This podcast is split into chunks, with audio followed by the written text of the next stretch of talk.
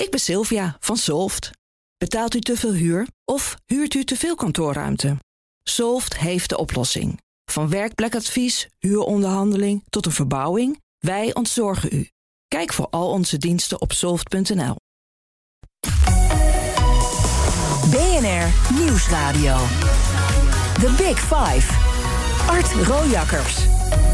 Welkom, fijn dat je luistert naar BNR's Big Five van de opiniemakers. Deze week praten we met de mensen die bepalen waar wij over praten. Hoe sturen ze de toon van het debat? Wat kost het ze? Wat levert het op? Hoe wordt een mening een verdienmodel? En waar komen ze zelf in de knel? Mijn eerste gast is Marcel van Roosmalen, columnist voor NRC Handelsblad en NPO Radio 1. Goedemorgen. Goedemorgen. Van Radio 1 naar BNR, je komt even aan de overkant kijken. Heb je eigenlijk een beeld van uh, de luisteraars van BNR? N niet echt, er zijn er niet zoveel. En uh, ik ken eigenlijk niemand die zegt van... goh, ik ga vandaag eens lekker naar uh, BNR Nieuwsradio luisteren. En dat heb je wel bij andere zenders? Dat heb ik meer bij andere zenders. Ik heb het idee dat ik hier vrijuit kan spreken. dat, dat er geen haan naar kraait. Nou, dat is fijn, want we kunnen een vrolijk uur tegemoet gaan. Zeker. We gaan je veel naar je mening vragen. Je wordt dus niet gehinderd door het publiek dat meeluistert. Nee, heerlijk idee. We beginnen meteen met wat uh, stellingen, want ik wil straks weten... waarom je het nooit meer over Angela de Jong wil hebben. Televisierecensenten, maar eerst die stellingen.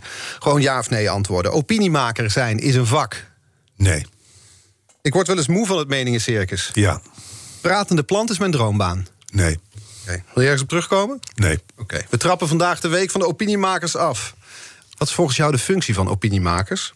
Nou, ik vind opiniemaker echt een, een, een, hele vreemde term. Ik zie mezelf ook helemaal niet als een opiniemaker. Ik heb zelfs een beetje een hekel aan opiniemakers. Mensen die altijd alles beter weten.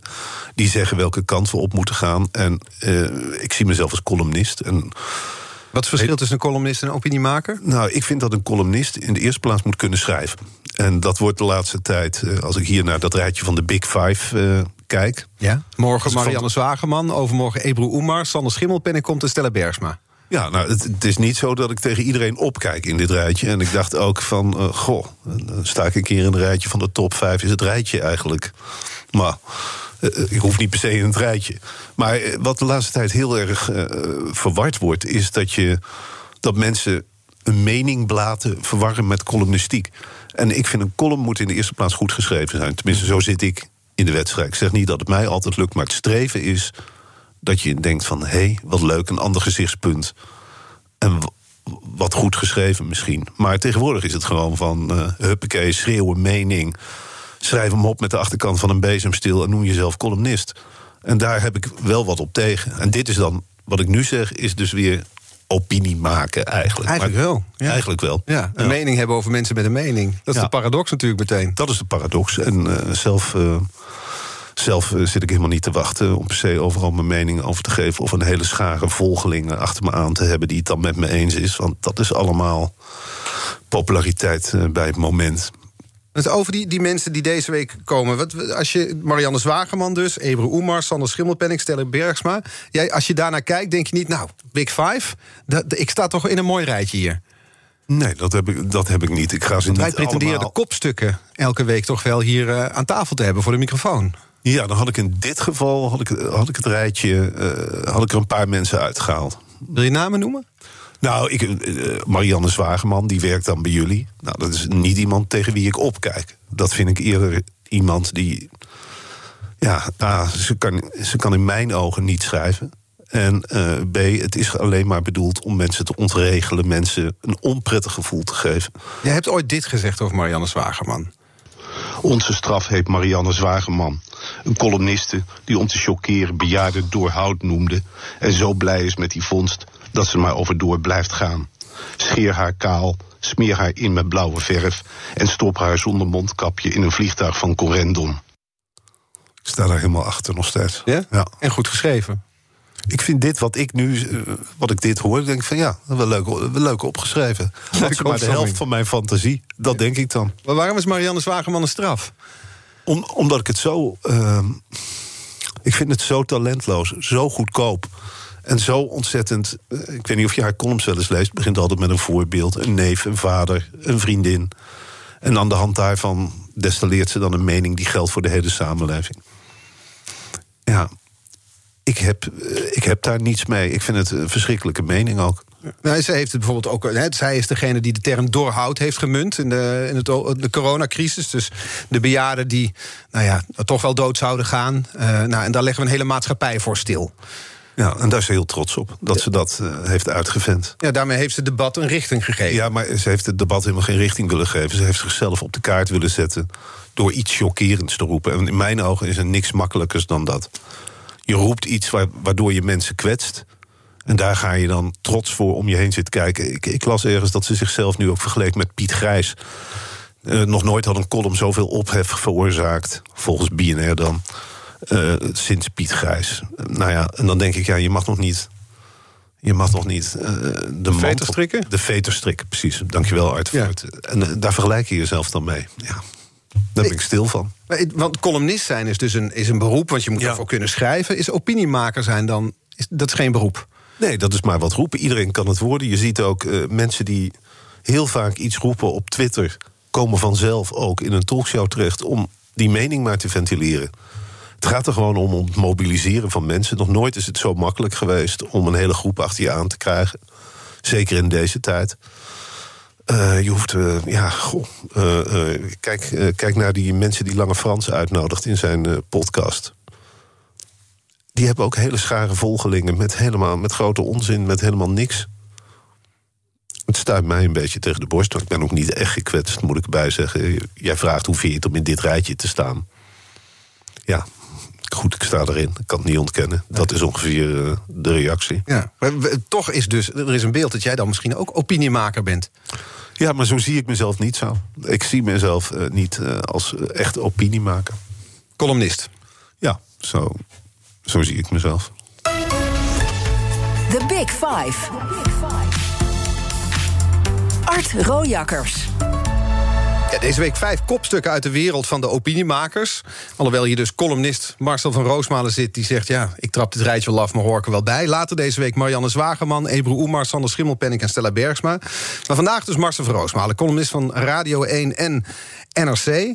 Um, Jij bent niet alleen columnist, je hebt ook een boek, uh, verschillende boeken geschreven. Het laatste boek dat je hebt geschreven is Nederland onder het, onder het systeemplafond. Samen met uh, Jan Dirk van den Burg, fotograaf des Vaderlands. Ik heb het gelezen, ik heb er hardop om gelachen. Uh, het boek bestaat uit een eindeloze opsomming van, nou niet opsomming, bezoeken van jullie twee aan bijeenkomsten onder een systeemplafond. Klopt. was het een leuk boek om te schrijven? Nou, het was vooral. Uh, het was vooral heel veel. Jan Dirk en ik hebben bij diverse media over kansloze bijeenkomsten... waar eigenlijk geen pers op afkomt. Daar gingen wij naartoe om daar aandacht aan te besteden. Ik had er nooit zin in, hij wel. En uh, het gaat allemaal om buurtvergaderingen, om inspraakavonden... om gemeenteraadsvergaderingen, om clubverenigingsavonden. Eigenlijk avonden waarin je het echte Nederland ziet.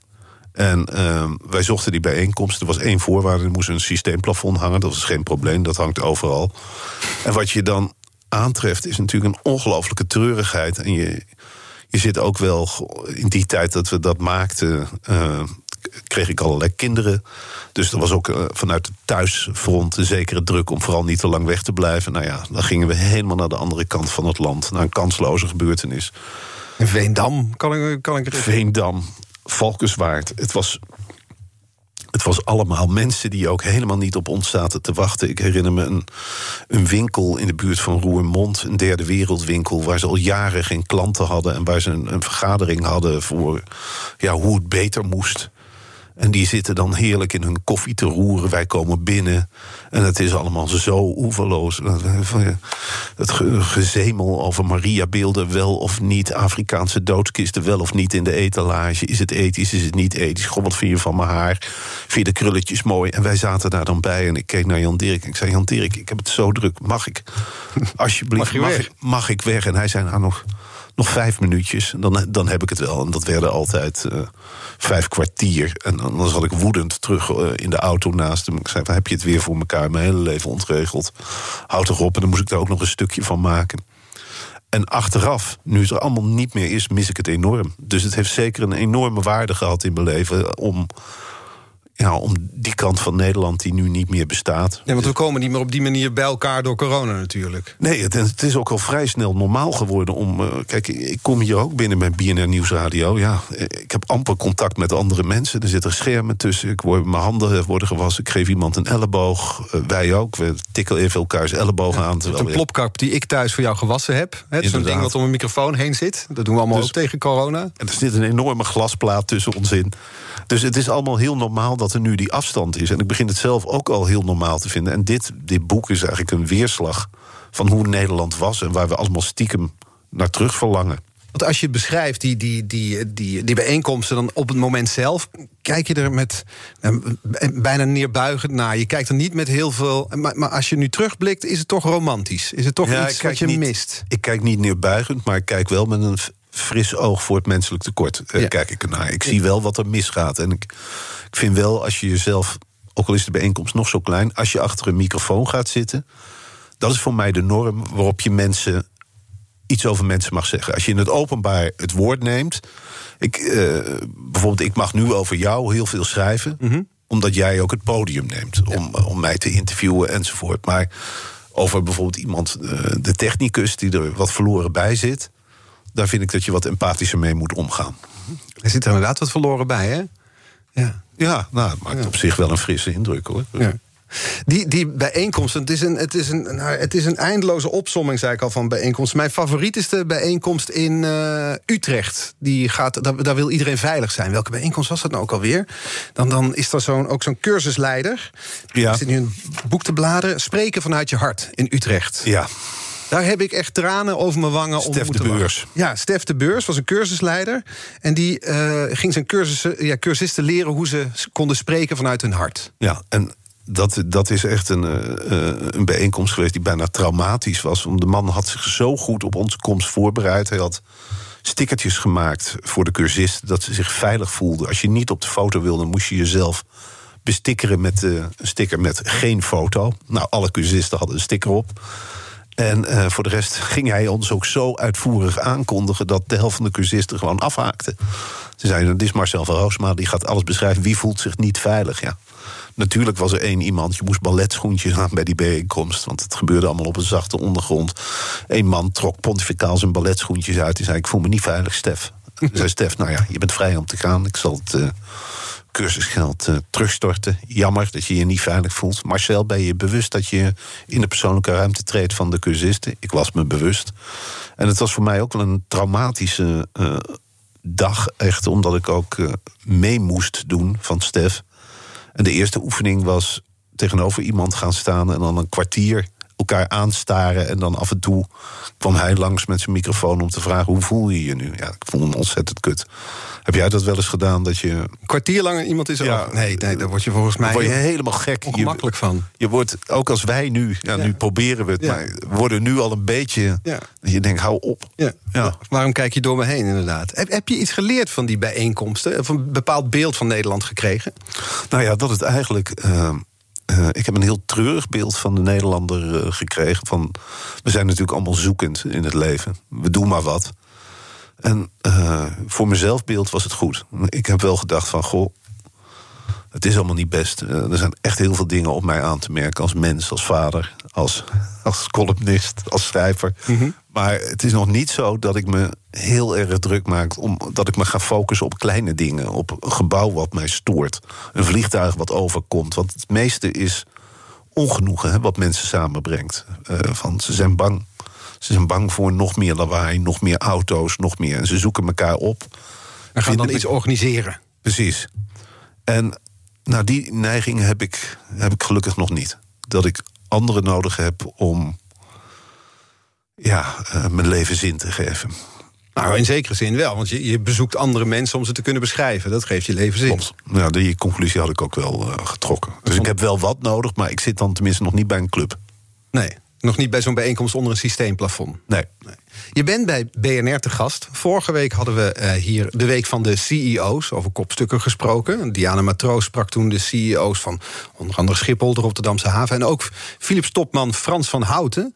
En uh, onze gasten stellen elkaar een kettingvraag. Hij had deze vraag voor jou. Daar heb ik over nagedacht. en ik denk van met al die discussies over eh, grote bedrijven, zou ik eigenlijk wel van een opinieleider willen horen. Heeft Nederland belang bij de aanwezigheid van grote multinationale bedrijven in Nederland? Nou, ik, ben blank, eh, blij dat Frans die vraag eh, stelt. Eh, nou, Frans-Nederland heeft daar totaal geen belang bij. Het is, het is echt. het maakt niet uit waar Philips zijn fabrieken heeft staan. Zet ze in godsnaam, dan zijn we ook van het gezeik af. Breng die hele handel naar Azië. Hier alleen de hoofdkantoren en weg te meten. Het is allemaal. Het zijn arbeidsplaatsen waar altijd gedoe over is. Er moeten altijd minder mensen werken. Ga er maar vanuit dat alles toch wordt vervangen door robots. Breng die hele, breng die hele zooi maar weg buiten de landsgrenzen. Dus ik ben blij dat je het aankaart, eh, Frans. Mijn mening is. eh, Geen enkele plek voor grote bedrijven in nee, Nederland. eh, ik geloof veel meer in het, in het kleinbedrijf. We zijn ook een, een klein land. En dat, dat gedoe, daar moeten we ook vanaf dat we zo trots zijn op sommige bedrijven. Ik heb dat helemaal niet. Ben jij trots op de KLM? Het maakt mij echt- nationale trots. Als ik dan op reis ben en ik zie daar in een verland zo'n blauwe kist staan, dan denk ik, oh, nou, er staan dan van die Nederlandse stewardessen op, op ons te wachten. Dan denk ik, oh ja, fijn. Dat is al, dan ben je al een beetje thuis. Ja, maar dat was vroeger misschien. Maar ik vind ook die stewardessen bij KLM... het zijn niet meer de visitekaartjes die het, die het vroeger waren. Het zijn onderbetaalde mensen die in een doopmoe zijn... van de hele tijd heen en weer vliegen. Dat zie je ook een beetje in Nederland. Ik ben helemaal niet trots als ik een KLM-vliegtuig zie staan. Ik ben ook niet trots op de HEMA...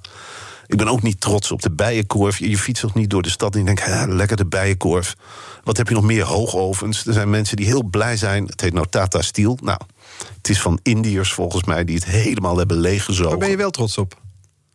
Waar ik wel trots op ben... ehm, ik... ehm, ja, waar ben ik wel trots op? Eh, ik ben trots op sommige steden. Eh, ik bedoel dat ik denk, goh, Amsterdam, ik ben er vandaag weer. Wat ziet het er toch mooi uit? Wat is het toch lekker om hier met die trein die stad binnen te komen? Het bruisje tegemoet, ondanks de corona. Arnhem, ook iets als ik daar binnen rijd, dan gaat mijn hart gewoon sneller. En dan denk ik, goh, wat is het toch mooi? Ik vind ook dat steeds meer steden in Nederland er heel mooi uitzien. Vergelijk dat eens met het buitenland. Echt, de meeste steden in Nederland, die, die worden steeds... Nijmegen was ik laatst. Vroeger was dat onooglijk. Ik heb er eh, zes jaar gewoond.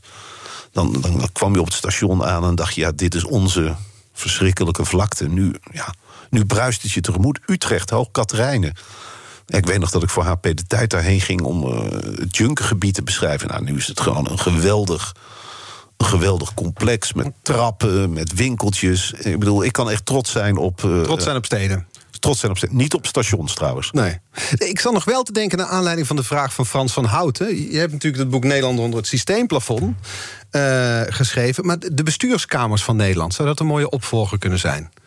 Dus je samen met, met Jan Dirk dan de, de, de, de, de, de zalen en de, de ruimtes vastlegt waar de, de CEO's en hun raden van bestuur en waar iedereen bij Nou, elkaar als komt. ik erbij mag zijn, graag. Maar eh, de meeste CEO's worden hier omringd door een, een batterij voorlichters. Die, en dat kan ook nog grappig zijn om die te beschrijven. Maar ik vrees gewoon een beetje dat, eh, ja, dat er helemaal niks gaat gebeuren als ik er bij zou mogen zitten. Omdat ze te argwanend zijn, Ze zijn te te op hoede.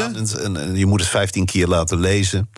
Want ze zijn als te dood dat, eh, dat er iets. Ja, je stelt je er ook niet voor ING dat mij toelaat bij de bestuursvergadering. Waar zal het vandaag over gaan? Ik zou me er enorm op verheugen. Ja, ik ook. Ik zou er best bij willen zijn. Ze mogen me ook uitnodigen. Maar het zal niet gaan gebeuren. Gewoon puur omdat het, het is te veel dichtgetimmerd. Ja, het is, zou er wel in geïnteresseerd zijn. Nou ja, goed. Ik ben blij. De doelgroep bestaat in ieder geval uit één persoon. En eh, dat is wat waar we aan kunnen gaan werken. En eh, ik wil het graag doen, maar eh, ik verwacht niet veel uitnodigingen. Je ja, kunt ook niet spontaan binnenlopen, hè? Bij een bestuursvergadering. Nee, dat is wel, je moet wel afspraken maken. Ja. ja. Ik zou ook wel hier bij, Bij BNR? bij BNR. Ik zou, ik weet, niet, ken jij de top van BNR? Ja. Ja, nou ja, het is toch ook wel leuk om daar binnen te lopen. Om dan te beginnen over waarom hebben jullie alles wegbezuinigd. Het is, eh, ja, daar wil je dan wel antwoord op, op die vragen. Maar ja, ik weet niet of ik nou meteen een uitnodiging krijg. Nou ja, ik weet het ook niet. Maar ik bedoel, eh, jij denkt dat er niemand luistert, zei aan het begin van dit uur. Ik denk dat nu de radio harder wordt gezet. In bijna alle bestuurskamers van grote bedrijven in Nederland. Dus nou, wie weet. Wie weet. Ja. Is dit echt een zakenzender dan voor? Is dit bedoeld voor echt de, de, de zakenman? Of ook voor iedereen? Nou, toch ook wel voor iedereen. Ja. Anders zou jij hier niet zitten. Nee, dat is waar. Ja. slaag ik We proberen nu een breed publiek met jou te Ik bereiken. doe mijn best. Ik, eh, ik wil het zo breed mogelijk trekken. Ja. Het eerste half uur zit er bijna op. Ja, Heb je zin in het tweede half uur? zeker. Dan gaan we het hebben over eh, andere columnisten. Eh, we moeten het toch ook even over Angela de Jong hebben, denk ik. Hè? Prima. Ja, vind je dat Ja. prima? Jij bent ook pratende plant. Ook kunnen we het ook over hebben. Gaan we het daar ook over hebben. Ehm, nou ja, en nog veel meer komt er voorbij. Of je geniet van de aandacht die je krijgt als opiniemaker slash columnist. Wie zegt dat? Nou, dat vraag ik jou. Nou, eh, soms. Niet altijd. Eh, Positieve aandacht altijd welkom. Negatieve aandacht, ja, geniet ik wat minder van. Ik bedoel, het is iets wat je overkomt. Soms ben je wel eens verbaasd over de aandacht die je krijgt. En, eh, maar ik zal niet ontkennen, als je een column schrijft, wil je ook graag dat die aandacht krijgt. Want waarvoor doe je het anders? Eh, Je bent een soort plaatselijke beroemdheid natuurlijk. Je wordt zelfs in de kruidvat in jouw woonplaats herkend.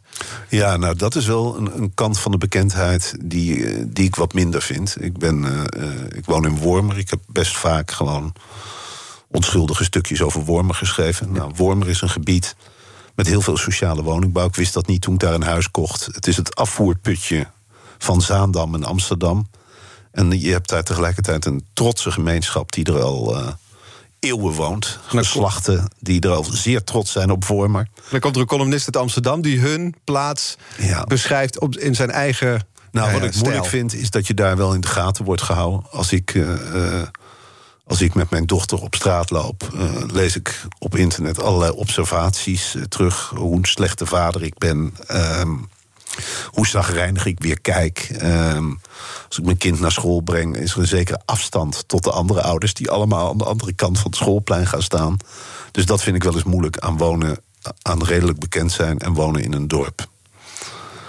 Ik kan me er iets bij voorstellen. eh, Ik bedoel, ja, daar kan ik wel lacherig over doen, maar dat vind ik helemaal niet. Ik doe echt mijn best om ansloes te, te vinden.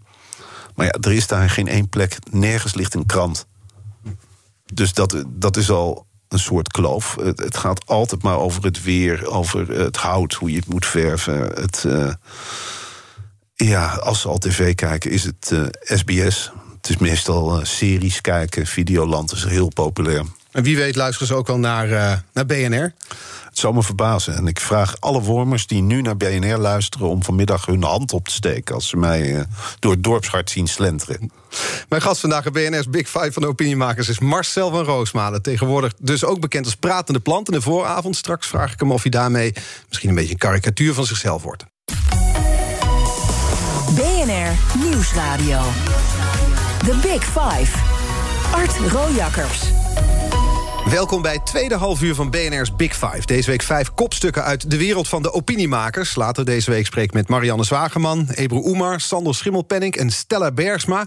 Dat zijn de vier andere kopstukken. Vandaag Marcel van Roosmalen, die zichzelf niet ziet als opiniemaker, maar hier toch zit. Het Columnist. is wel een rijtje om je vingers bij af te likken. Ik kijk echt eh, uit naar de komende dagen. Welke, naar wie kijk je het meest uit eigenlijk? We hebben het al over Marianne Zwageman gehad. Hebben we ook nog Ebru Oemar, Sander Schimmelpenning, Stella Bergsma? Eh, ik denk toch dat ik het meest uitkijk naar Sander Schimmelpenning. Want?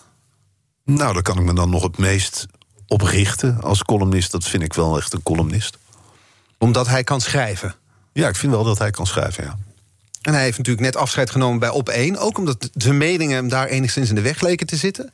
Ja, dat vind ik wel grappig dat je gewoon allerlei dingen stopt. Dus dat heeft misschien ook wel met financiële onafhankelijkheid te maken. Maar ik kan dat wel waarderen. Dat Als je, directeur van de quote, daar is hij mee gestopt inderdaad. ja, ja, ik eh, ken hem niet persoonlijk, maar ik, ik kan dat van een afstandje wel waarderen.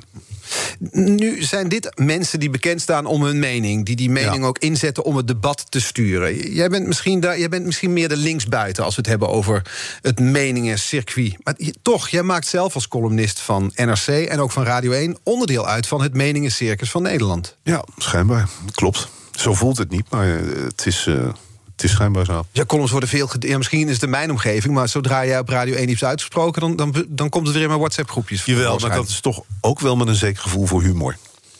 Het is niet dat. eh, dat ik. Kijk, wat ik het vreemde vind. Kijk, ik kan een mening hebben over iets. Maar anderhalf uur later eh, kan ik er toch wel diametraal anders over denken. En dat schijnt iets eh, ongelooflijk ongewoons te zijn. De meeste meningmakers van nu. die blijven maar vasthouden aan hun mening. Het, is voor mij wel heel duidelijk wat uh, Stella, of niet, uh, Marianne Zwageman en Ebru Oemar vinden. En ik denk niet dat die mening nog verandert. Naar aanleiding van nieuwsgebeurtenissen. Wel nee, ze gaven zich nog dieper in. En ik vind een beetje flexibiliteit waardeer ik wel. Dus jij kan een mening hebben en, en, en al een half uur later is die anders. Maar dan staat ja, maar hij kan ook wel verhevigd worden. Maar hij kan, uh, uh, uh, hij kan ook draaien, de mening. Want ik heb bijvoorbeeld de column over. Je hebt een column over Diemen ooit uitgesproken op Radio 1. Dat is misschien Ja. wel de meest gedeelde column aller tijden, denk ik. Van, eh, die gaat over eh, het dorp Diemen, waar jij toen vlakbij woonde. Ja, in de inmiddels denk ik daar wel anders over. Ja? Ik vind Diemen nog steeds treurig. Maar ik woon nu in Wormer. En dat heeft eh, mijn blikveld wel op Diemen ook wel verruimd. ja. Terwijl Diemen was sparen voor een nieuwe voordeur. Ja, Kan ik me herinneren? Dat is het eh, inmiddels. ik denk niet dat de mensen in Diemen. Ik denk dat die ook verlekkerd kijken naar de huizenprijzen. Diemen ligt natuurlijk heerlijk dichtbij eh, Amsterdam. Je stapt op de fiets. De bevolking van Diemen Je hebt is. heimwee naar Diemen. Nou, bijna wel. Ik deed al boodschappen bij eh, Boodschappenplein, Diemerplein. En ik vond dat een heel treurige verzameling winkels. Totdat je in Wormer ging wonen. Ja, nu denk ik van, goh, een rijkdom. Ja. Maar die Wat- mening wat kan dus veranderen. Maar hij staat een- nog steeds. Hij is ooit uitgesproken, staat op papier. Hij wordt gebruikt door Ja. mensen. Hij wordt gedeeld. Ja. Dat is eigenlijk wel. Terwijl jij alweer verder getrokken bent. Ik ben alweer verder getrokken, maar de, goed, die column mag gewoon blijven bestaan. Eh, je mag er ook nog steeds naar luisteren. Maar als ik nu opnieuw een column over Diemen zou maken... dan zou het bijna een lofzang worden. De architectuur is kut, maar voor de rest is Diemen natuurlijk heerlijk om in te wonen. Ja, je noemde Diemen zelfs volgens mij een experiment om te kijken hoe ver je kon gaan met stedenvernieuwing. Ja, Ja. Een mislukt experiment, maar inmiddels weet ik beter. ja. Maar gaat het bij jou dan misschien meer om de stijl van de column, om de, Ja. de humor dan de inhoud? Ja, nou, de inhoud is soms eh, heb ik ook wel oprechte ergernis over de boeren bijvoorbeeld. Dat vind ik, eh, ja, hou op. Hou op met je boeren. Weet je wel, dat vind ik echt. Alleen, eh, goh, het is niet dat ik wakker lig van de boeren. Nee, maar als dat zo is, als die mening dan. overdrijving. Maar als die, die overdrijving, als die mening dan verandert, hoe voorkom je dan dat je een soort. dat mensen die nog wel serieus nemen? Of vind je het misschien helemaal niet belangrijk? Ik vind het helemaal niet belangrijk dat mensen mij serieus nemen. En dan neem je mij toch niet serieus? Ik stelde de vraag en ik dacht, dat vindt hij helemaal niet belangrijk. Nee, dat vind ik ook helemaal niet belangrijk. Het is echt niet de bedoeling. Ik sta echt niet op eh, met het idee van... ik hoop dat de mensen vandaag van me Roosmellen wil eens even serieus nemen. En ik denk, ik verdenk sommige andere mensen... Die uit- deze week komen? die deze week komen ervan dat ze dat wel denken. Dat ze wel denken van het wordt tijd dat Nederland eens even naar me luistert. Maar wil je, je wilt mensen wel aan het denken zetten? Je wil ze raken? Wat is het doel van de columns? Bijvoorbeeld in NRC? Nou, eh, het doel van de columns is voor een deel eh, dat, eh, ehm, dat ze het leuk vinden. Dat hoop ik. Dat ze het denken van, goh, nou, ik heb nou een leuke column gelezen. Dat, dat is het doel. Maar Meer ik heb geen. nu meer is het niet. Ik heb helemaal niet de behoefte om ze te beleren. En, eh, eh, Gedachten te brengen? Nee, helemaal niet. Ook, te eh, sturen? je vraagt de hele tijd naar mijn mening over deze Big Five. Er zijn ook wel mensen die ik. het is niet allemaal mijn ding, maar zo'n Stella Bergsma kan ik voor wat het is wel waarderen, omdat zij in ieder geval origineel is. Het is een, een geluid wat je, waar ze maar op blijft hameren. En wat, wat ik dan. Dat vind ik dan toch weer heel anders dan Marianne Zwageman of Angela de Jong, waar je. Waarom staat die eigenlijk niet in de Big Five? Die had hier eh, moeiteloos tussen eh, gepast. eh. Ja, omdat ze alleen over televisie schrijft. Dat is dan een beetje. Hè, je, we hebben het over de kopstukken in dit geval. Ja, ja kijk, dat vind, ik, dat vind ik echt verschrikkelijk ook. Angela de Jong, Ja, Daar gaan we het straks over hebben hoor. sorry. Ja. Ja. Want je wilde het eigenlijk nooit meer over hebben. Ja, ik word er de hele tijd naar gevraagd en dan eh, wil ik het best nog herhalen. Maar mijn mening eh, staat er op zich, eh, ik sta er niet alleen in, in die mening. Nog, nog even naar de, de columns voordat we naar Angela de Jong gaan. Zet je dan iets wel eens. Hoe werkt het dan? Probeer ik me voor te stellen. Als je zit te, te tikken. Je, je, Het is je hebt- wanhoop. Het is wanhoop. Voor een deel. ik bedoel, Tegen ja, die deadline aan hikken. Maar je hebt een podium, je hebt die column. Ja. Er moet iets komen. Denk je dan, ik ga het nu wat scherper neerzetten dan ik het eigenlijk vind? Nou zeker op die radio. Ik vind dat je daar, eh, dat je daar, eh, eh, dat je daar wat dingen moet aanzetten. Je moet, je moet luisteren, je, je moet denken van, goh, hoe bind ik luisteraars? Daarom, waarom spreek ik het anders uit op de radio? En dan is het een persoonlijke ergernis van die morgen. Ik ga dan altijd maar uit van de ergernis. En die vergroot ik dan wat uit. En die spreek ik uit. En dan, eh, ehm, ja, en dan kan het zomaar zijn. Dan kan het eind van de dag denk... Jongen, jongen. ehm, het is vaak ook op de persoon. Eh, bijvoorbeeld dan gaat het over Arnold Karskens of Henk Bres. Dat zijn toevallig mensen aan wie ik me stoor. Ja. En dan denk je s'avonds alweer, jongen, jongen, wat heb ik nu allemaal gezegd? In, dit, ge- in dat geval niet, maar er zijn wel eh, columns tussen waarvan ik denk, ja, het had ook anders gekund. Ja. Eentje misschien wel eens over de man die nu binnenkomt, Jurgen Rijman. Goedemorgen. Morgen. Goedemorgen. Goedemorgen. In 2013 heb je over Jurgen geschreven. Weet je het nog of niet? Dat weet ik nog wel, maar Geen idee. Serieus? Ja, serieus. 2013, juli 2013. Zal ik het voorlezen of niet? Ja, Marcel Ja. zit net te vertellen dat hij een column schrijft... en dan een half uur later weer een andere mening heeft. Soms. Nou, dat kan. Ik vind dat je van mening kunt eh, veranderen. Maar Ik ben benieuwd wat ik over Jurgen Rijman heb geschreven. mening veranderen toch? Het enige eh, wat Jurgen Rijman kan is grapjes maken over etniciteit. Dat heet dan zelfspot. Het is vergeefs zoeken naar enige diepgang of een goede grap. Je zou kunnen zeggen dat Rijman een aap is die maar een kunstje beheerst... maar dat mag niet, want dan is het racisme. Vindt Jurgen Rijman. En hij kan het weten, want de moeder van zijn overgrootmoeder was slaaf. Ja, nou, niet het meest sterke wat ik... eh, 2013 zeg je? Ja. Ik ben er ook niet echt van onder de indruk. Maar Ja, sorry, het is... dat was zeven jaar geleden. Ja. Inmiddels ben je al hoe vaak van mening veranderd dan? Nou, ik ben eh, sommige dingen van deze column sta ik nog wel achter... maar sommige dingen zou ik nou niet meer zo eh, opgeschreven hebben. Wat niet dan? Het laatste gedeelte, dat ik denk, nou... Ja, ik weet niet. Dat vind ik... eh, ja, ik, ik ben niet echt trots op deze column of zo. Leuk dat je hem nog even voorleest, maar... Ja, Ja, dit, ik, sorry, ik heb, ik heb er echt niets mee. Ik vind, ik vind het sowieso heb ik niet. Ja, ik vind columnisten hebben mening en eh, meningen zijn als anussen. Iedereen heeft er een. Dus eh, je hoeft het alleen niet aan iedereen te laten zien. Dus ik vind het prima als je daarmee je, zeg maar, eh, jezelf kan uiten. En als er mensen dat spannend vinden om te lezen. Ik lees nooit columnisten. Ik heb er echt heel weinig mee. Maar dat is gewoon mijn, dit is gewoon mijn instelling hoor. Ik bedoel, Want we hebben deze week de week van de opiniemakers. Mensen die Ja, het dat debat ja, ja. bepalen. Dus daar gaat het bij ons over. Ja. Waar gaat het bij jou over? BNR Nieuwsradio. The Big Five. Art Rojakkers. Ja, ik eh, spreek vandaag met Marcel van Roosmalen, columnist van eh, NRC en Radio 1 eh, in de BNR's Big Five van de opiniemakers. Wa- we- haar naam viel nu al een paar keer. Ja, ik wilde eerst even. Ja, ik wist natuurlijk niet dat je dit dat je een stukje ging voorlezen over Jurgen Rijman met Jurgen Rijman erbij. Vond je het vervelend? Nou, een beetje omdat ik het niet mijn sterkste column vond. Maar wat niet dan? Nou, Hoe die geschreven is, bedoel je dan? Ja, nou kijk, het gevoel voor humor. We hebben niet duidelijk niet hetzelfde gevoel voor humor. Jurgen Rijman en ik. Dus daar sta ik nog wel achter. Dat is het begin van de column. Maar ik, ik vind, ja. eh, eh, Je zit hem nu nog een keer terug te lezen. ja. Ik, ik denk van ja. eh, Er is wel sterkere kritiek te bedenken op Jurgen Rijman. Ja. Ik vond het jammer dat dat, dat niet tot. Ik vind bijvoorbeeld heel Nou, erg ik- dat. ik had liever nu een column geschreven over dat hij jarenlang in een pak van Tante S zit. En dat dat dan leuk gevonden wordt. Er is helemaal niks leuks aan. Er zijn heel veel mensen die het wel leuk vinden. Ja, nou, dat denk ik dat ook wel meevalt. Ik denk dat het vooral leuk gevonden. dat mensen het gewoon leuk willen vinden. Ik las hem vooral ook voor vanwege dat laatste stuk inderdaad. Ik dacht, Ja, ja, de precies. toon van het debat is wel veranderd. De ruimte die je dus als columnist hebt, is, is ook veranderd. Daarin schrijf je nog, je zou hem een, een aap kunnen noemen... die een kunstje doet, maar dat, hè, dat kan niet meer... want dan zou het racisme zijn. Dat, dat schrijf je nu, zou je nooit meer opschrijven. Nee, dat zou ik niet meer schrijven, nee. Omdat ik dat ook te makkelijk vind. Maar toen nog niet, blijkbaar. Nee, toen nog niet. Toen stoorde ik me eh, daar toch. Toen vond ik dat allemaal een beetje gevo- gevoeligheid allemaal. Ik denk dat nu dat ik daar nu wel wat anders over denk. Nou, dat is natuurlijk waar we het over hadden met als je je mening verandert. Dat is natuurlijk het gevaar. Het staat allemaal op papier, het wordt allemaal bewaard. Het staat allemaal in digitale archieven. Je hoeft maar Marcel van Roosmalen, Jurgen Rijman in te tikken... en je komt hieruit. Ja, dat klopt. Maar dat, Ja, maar goed, je moet, eh, ik, vind, ik wil alleen maar worden aangesproken op, eh, gesproken op columns van het laatste half jaar wat dat betreft. Ja, maar zo werkt het niet, Marcel van Roosmalen. Nou, dat vind ik wel. De tijd verandert ook. De tijdgeest. Je bent natuurlijk ook een verslaglegger van de tijdgeest. Je kunt van, van alle mensen, eh, alle opiniemakers, tussen aanhalingstekens in Nederland, als je de mening van tien jaar geleden laat lezen, dan, eh, ja, dan is hij toch weer anders. Je, je- gaat ook verder als mens.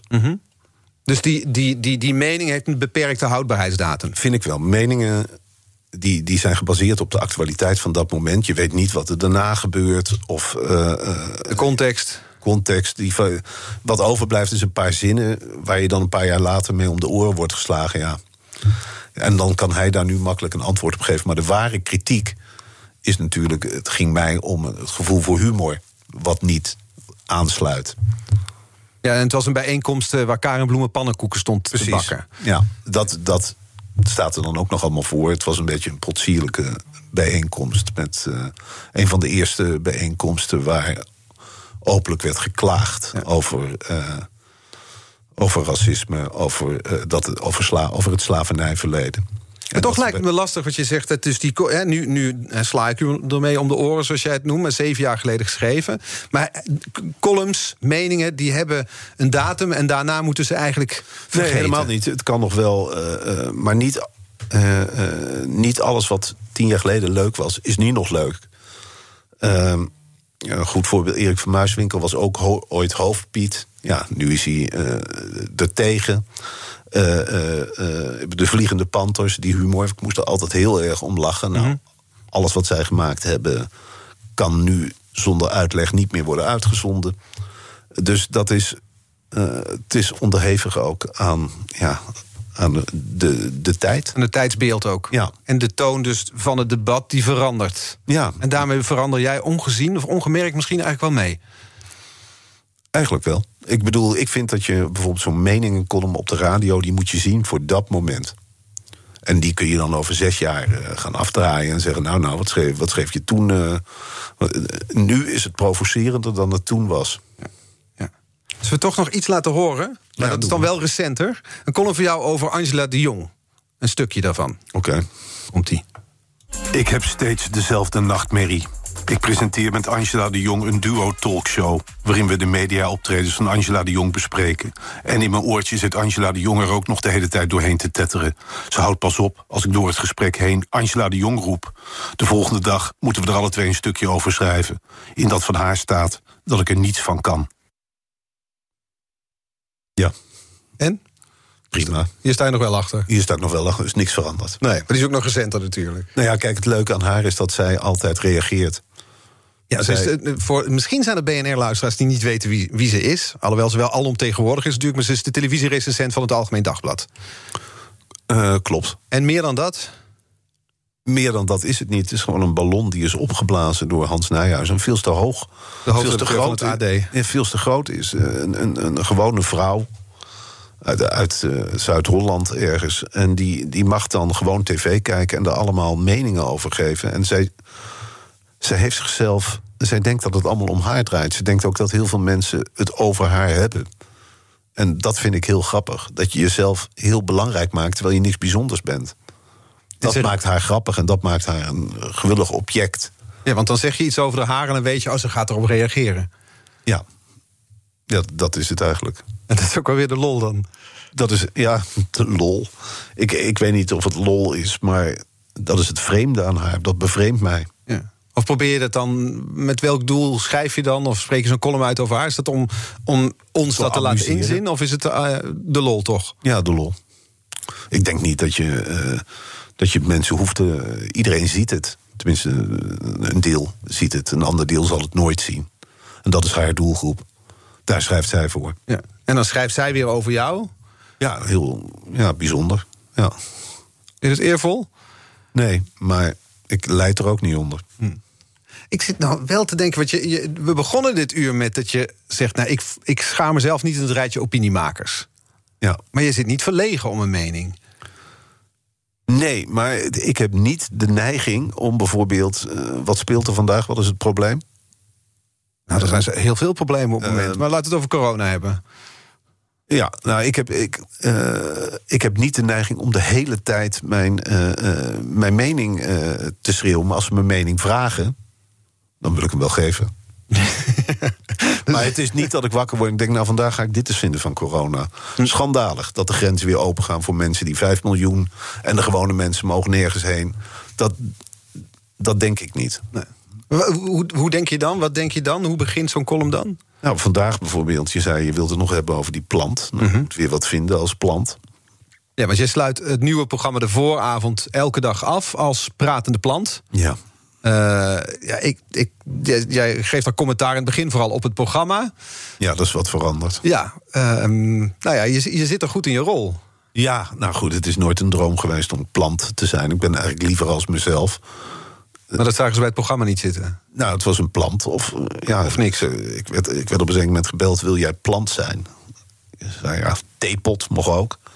Ik zei, plant, theepot. Eh, ik weet het niet. Zo zie ik mezelf helemaal niet. Nou, zo zagen mij wel als plant. En toen dacht ik, nou oké, ik, ik doe het. En, eh, maar probeer maar eens in 40 seconden. eh, ik ben eigenlijk meer van de herhaling in teksten. En eh, dat je iets uit kunt leggen. En dit is wel nieuw voor me, dat je in 40 seconden iets vindt. Dus eh, ja, nu ben je de pratende plant. nu ben ik een pratende plant. Valt wel mee hoor. Ik word er echt eh, hetzelfde dat mensen tegen me zeggen: Jij bent een pratende plant. Nee, nog niet, maar dit is het dagelijks herhalend fenomeen. Wacht nog maar een half jaar. Dan ben ik eigenlijk wat Jurgen Rijman is met Tante S, ben ik de pratende plant. Precies. En zijn er mensen die dat heel grappig vinden... en andere mensen denken, er is toch niks aan. Ja, maar goed, dan wijs ik ze graag op andere dingen die ik ook doe. Dus ik vind het eh, prima. Ik, ja, ik vind het nog steeds moeilijk om als plant aangesproken te worden. ja? Ja. Ben je wel blij met de keuze wat voor plant het is? Ja, nou, het had ook één groot blad kunnen zijn, denk ik dan. Het zijn nu heel veel blaadjes, hè, heel veel monden. Maar eh, ja, Dat zegt natuurlijk iets over het meningencircuit. precies. Het zijn allemaal eh, indirecte verwijzingen naar alles. Die kettingvraag, die mag jij nog gaan stellen. Hè? Jij kreeg Ja. een vraag van Frans eh, van Houten. Jij mag een vraag gaan stellen aan de volgende gast. Morgen is hier Marianne Zwageman. Ja, we hebben het al uitgebreid besproken. Maar wat zou je aan Marianne Zwageman zelf willen vragen? Nou, een paar vragen. Wat, wat, eh, wat bezielt haar? Om, eh, waarom is ze eigenlijk opiniemaker geworden? Wat, wat is de omslag in haar leven? Want volgens mij was zij een succesvolle zakenvrouw. En dat geloof ik ook wel. Dat uh, zijn wel de houding van een succesvolle vragen- zakenvrouw. Waarom heeft, wat heeft het in haar getriggerd dat ze gedacht heeft van... goh, nu moeten de mensen naar mij luisteren. Waarom neemt ze haar eigen mening zo serieus? En wanneer vaart ze weg op haar zeilboot? Wanneer kunnen we uitkijken naar dat moment? Ga je eruit zwaaien als het zover is? Uitzwaaien zeker. Nou, we gaan het er morgen dus voorleggen, Marianne Zwageman. Ik heb nog één laatste vraag voor jou. Want je, je, jij zegt, ja, ik schrijf die columns... en dan, hè, dat, dat- is vanuit, ook vanuit humor gedreven... maar je schrijft het ook omdat je weet dat er mensen het gaan lezen. Zou jij zonder dat podium nog kunnen? Dat je min of meer voor jezelf gebouwd hebt? Nee, eh, ik, ik, ik vind het podium wel, wel prettig. Ik vind het wel prettig om. eh, eh, ik heb ook lang genoeg geschreven dat niemand het las. Of niemand er naar luisterde. Dus eh, ik vind het podium op zich wel prettig. Ik vind het wel leuk als mensen eh, ook horen wat je zegt. Ik vind het wel heel raar om nu me dan weer voor te stellen dat ik nu weer ga schrijven en dat niemand het leest. Zoals dit afgelopen uur. Zo, zo, dit is eigenlijk de toekomst die ik me niet wens. eh, Dat ik van alles heb gezegd. Hoewel hoe het gesprek gegaan is, ben ik ook wel weer blij dat, dat er geen ophef over ontstaat. En dat ik hier gewoon het gebouw uit kan lopen. En, eh, eh, maar dit was inderdaad wel een beetje eh, zoals mijn leven er dan later misschien uit zal zien. Ik ben benieuwd hoeveel mensen vanmiddag in Wormer... hun hand gaan opsteken Nul. als je tegenkomen op straat. Echt nul. Dat, dat durf ik wel te zeggen. En dat is jammer voor BNR, hoor, want ik gun jullie echt dat jullie ook in Wormer goed worden beluisterd. Maar het zal niet zo zijn. Ik is- vond het toch, ondanks dat, vond ik het een eh, groot plezier dat je hier was. Dank. Nou ja, graag gedaan. Marcel van Roosmalen. Deze aflevering, net als alle afleveringen van BNR's Big Five... zijn terug te luisteren, of is terug te luisteren. De podcast is te vinden in de BNR-app en op bnr.nl. Nu hier Jurgen Rijman met Ask Me Anything. Tot morgen. Ik ben Olivier van Solft. Betaalt u te veel huur of huurt u te veel kantoorruimte? Solft heeft de oplossing. Van werkplekadvies, huuronderhandeling tot de verbouwing. Wij ontzorgen u. Kijk voor al onze diensten op soft.nl.